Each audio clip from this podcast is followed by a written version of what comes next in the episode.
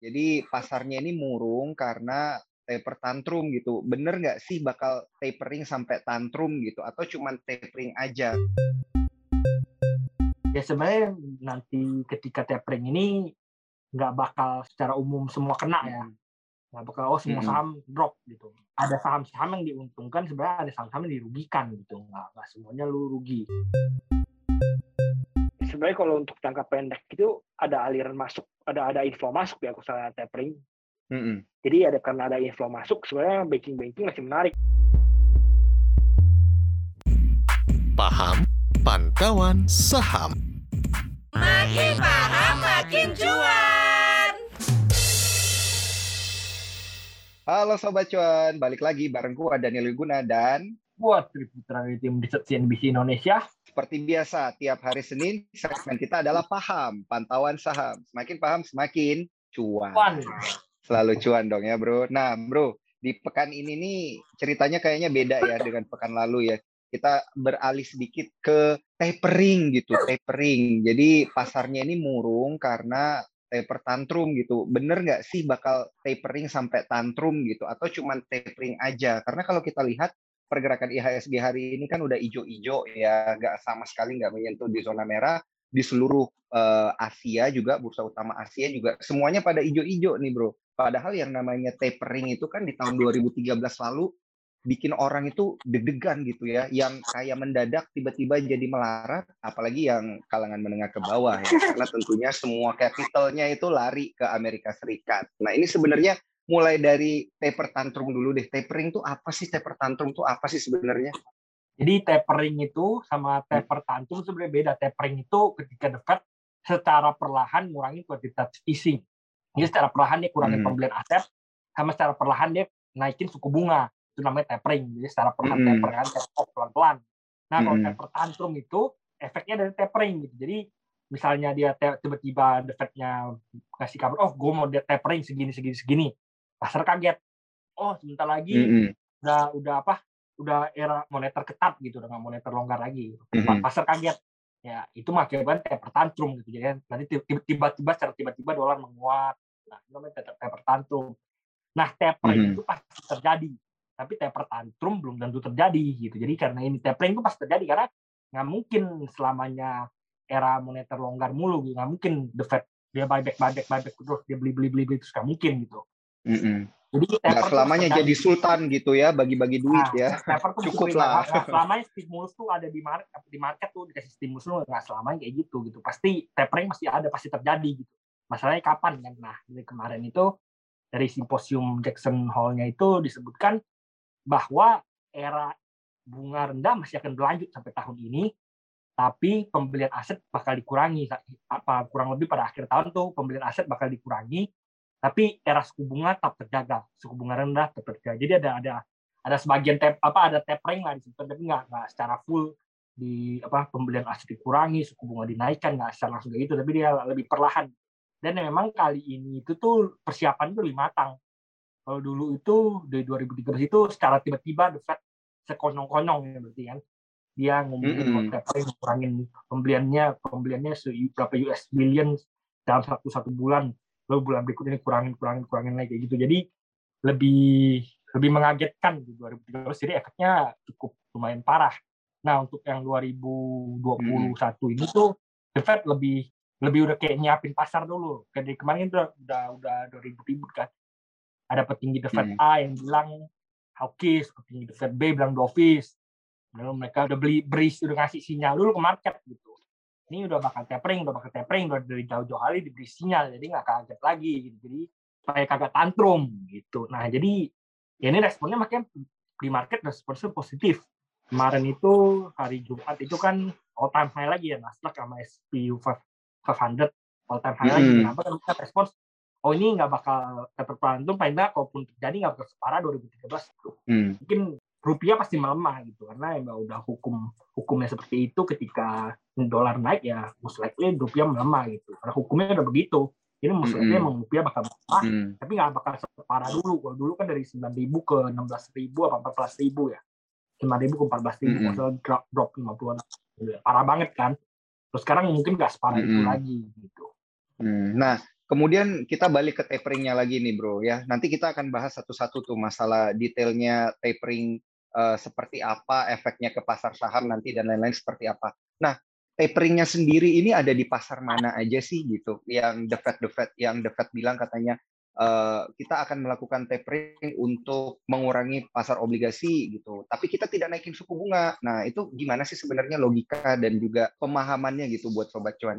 Ya, ini artinya kan enggak apa taperingnya nggak nggak nggak konyong-konyong kayak dulu gitu dulu kan sekonyong-konyong mm -hmm. ini bakal tapering suku bunga bakal dinaikin pembelian aset dikurangin kalau sekarang kan dibilang kan era suku bunga rendah masih akan terus berlanjut sampai akhir tahun. Tapi mm-hmm. pembelian aset tuh bakal dikurangi gitu. Jadi ya bonusnya di pembeliannya dikurangin. Paling apa paling cepat akhir tahun apa paling apa disebutnya bakal dikurangin mulai dari akhir tahun ini jadi November Desember mm-hmm. lah dikurangin.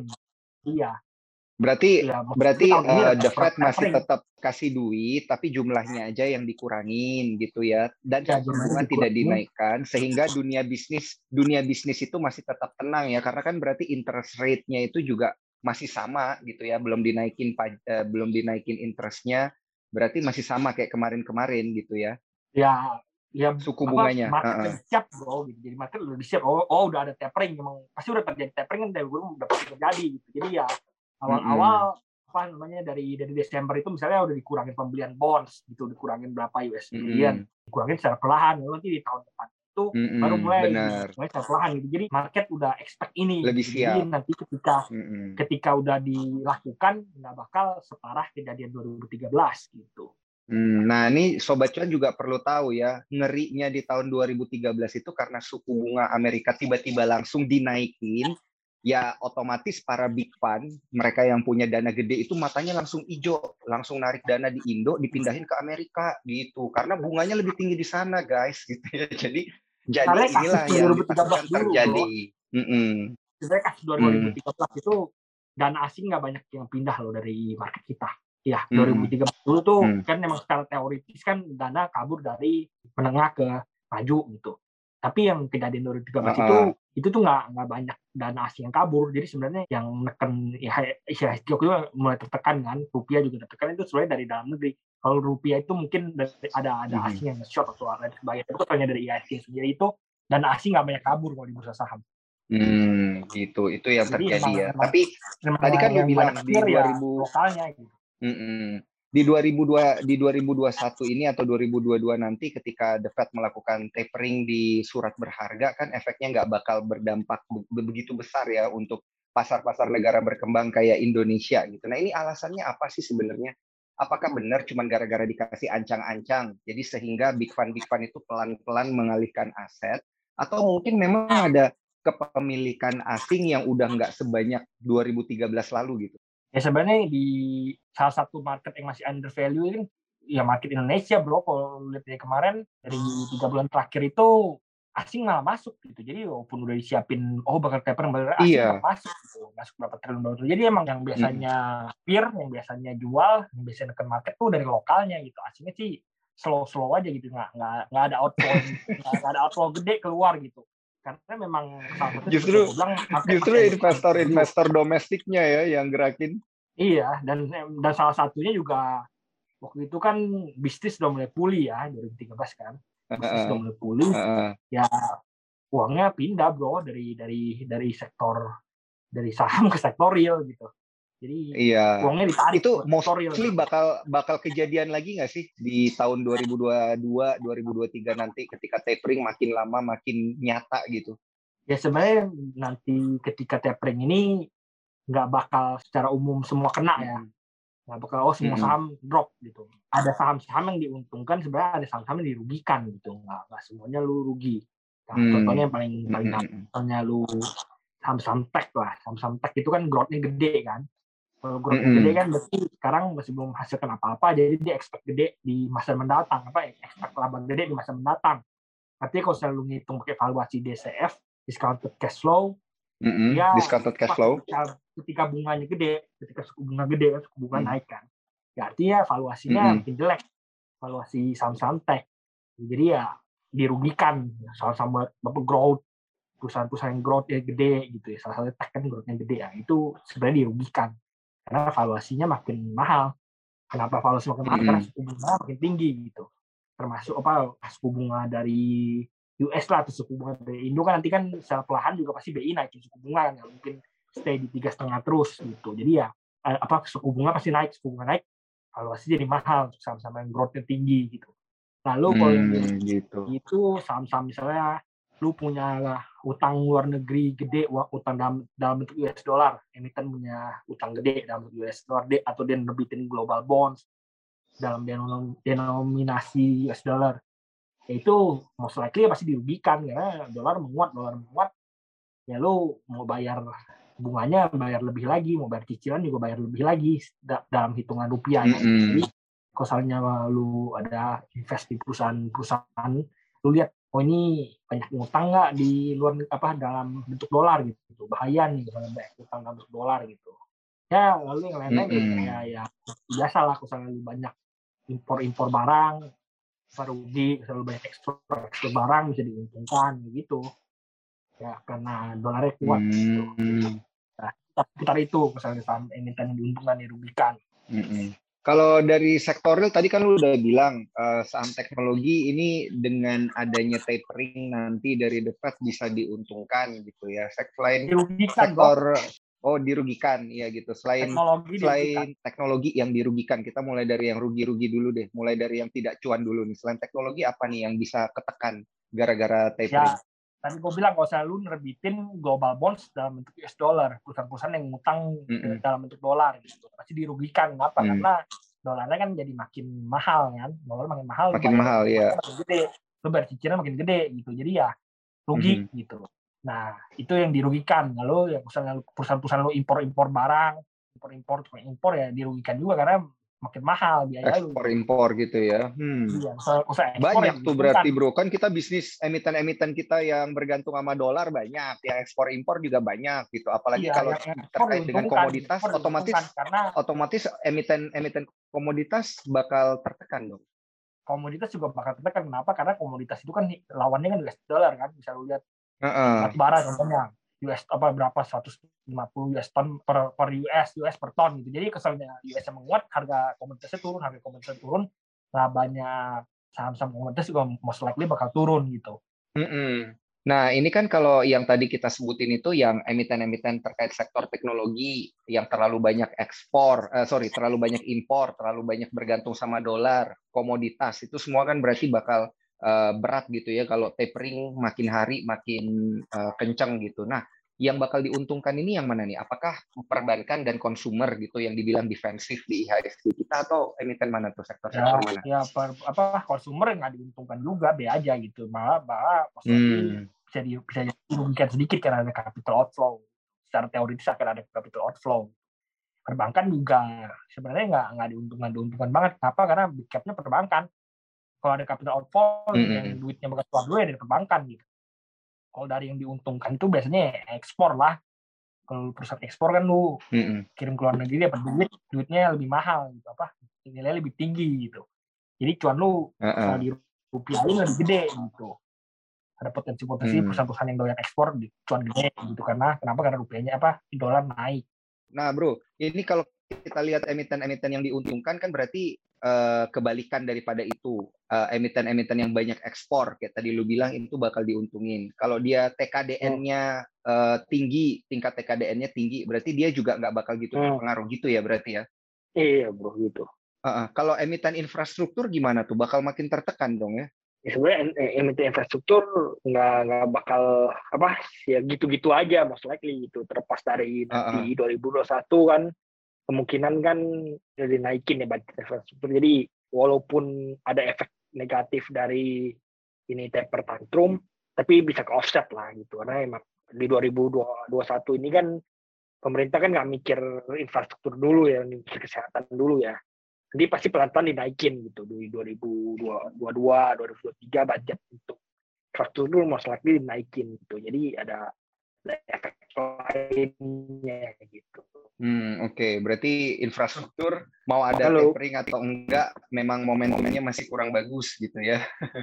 iya Oke, bro. Nah, kalau kita lihat nih, eh, The Fed yang kemudian eh, kemarin Jerome Powell juga udah ngomong gitu di Jackson Hole meeting nah terkait dengan rencana ke depannya seperti apa dampaknya ke pasar hari ini kok jadi hijau-hijau nah kalau kita lihat hijaunya ini sepanjang pekan ini bakal berlanjut gak nih ya seperti gue bilang ini hijau kan ekor bursa US ya bursa US all time high kemarin dari mm -hmm. S&P 500 sama Nasdaq all time high kenapa karena optimis optimis mm -hmm. bahwa tapering kali ini nggak akan menyebabkan tantrum yang parah gitu. Jadi ya ada optimisme di market gitu. Nah, optimisme market menular di bursa Asia sampai Indonesia juga hari ini menguatnya lumayan ya gitu.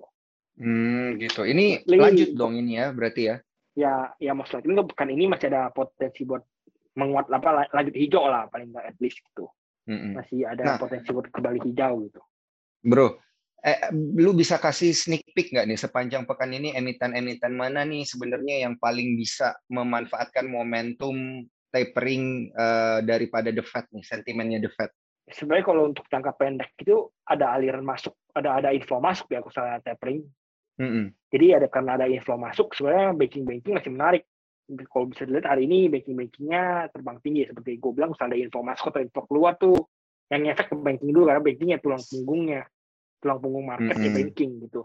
Jadi kesannya inflow masuk, banking dapat inflow dulu gitu ya. Lu bisa lihat hari ini banking banking lumayan hijau. Mm -hmm. gitu. Jadi pada hijau-hijau semua banking. banking. Ya.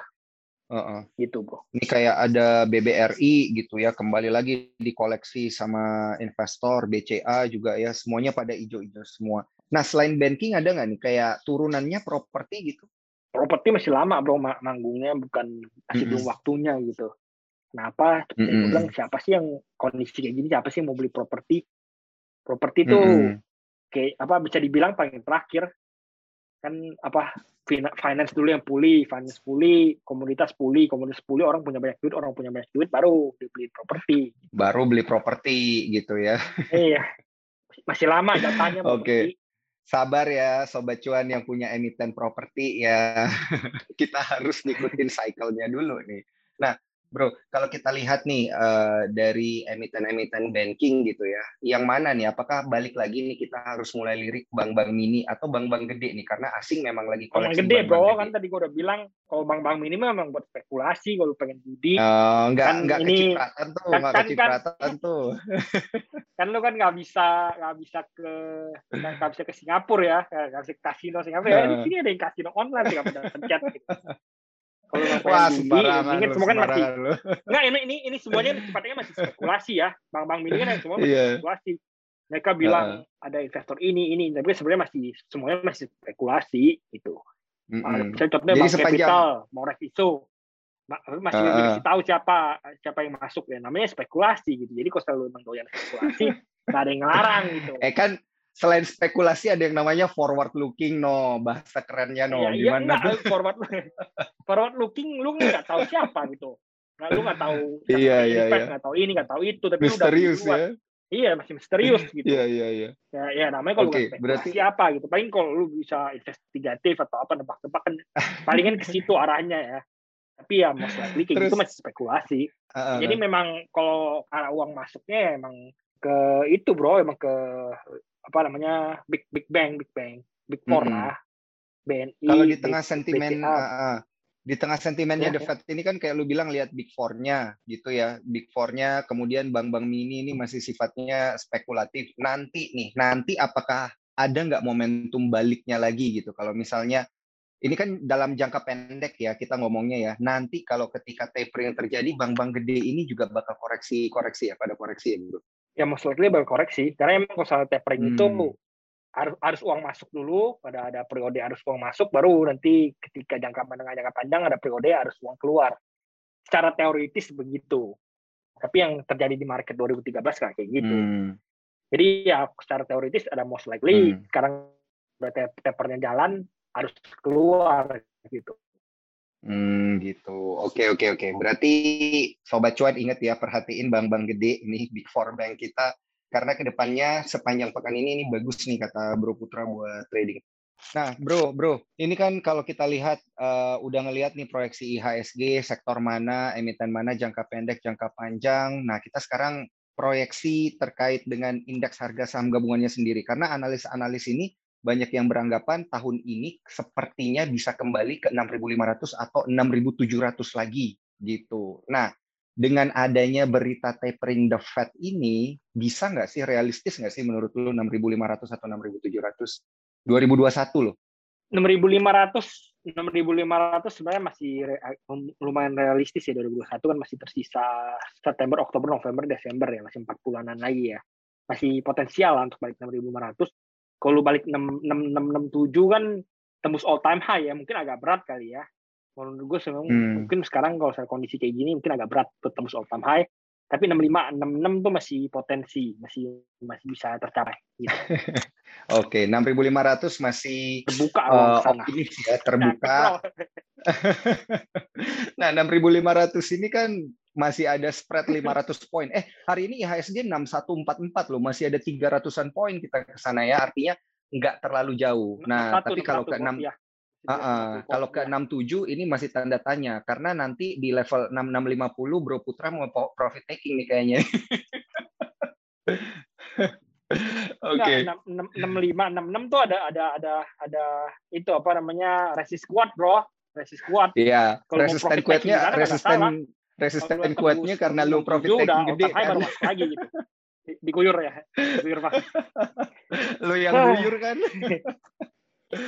ya tapi kita kita harap ya yang terbaik buat IHS kita karena yang yang naiknya kencang juga nggak akan selamanya naik gitu ya pasti akan ada potensi untuk turun lagi tapi yang jelas sobat cuan ini satu potensi yang cukup menarik untuk diperhatikan ya IHSG kita memang terbuka peluang ke 6.500 tadi pasar kita ditutup di kisaran 6.144 gitu ya. Jadi jangan lupa perhatiin emiten-emiten yang tadi ya kita udah sempat uh, infokan gitu di sepanjang seminggu ke depan dan juga untuk jangka panjangnya di sepanjang 2021 perhatikanlah kalau terkait dengan tapering ya perhatikanlah yang uh, ekspornya itu gede ya gitu. Kalau dia ekspor gede berarti cuannya bisa gede juga gitu yang tidak terlalu bergantung sama dolar TKDN-nya tinggi. Nah itu tuh berarti ya dia resilient terhadap uh, kondisi tapering nanti yang akan terjadi dan dilakukan oleh the Fed oke okay?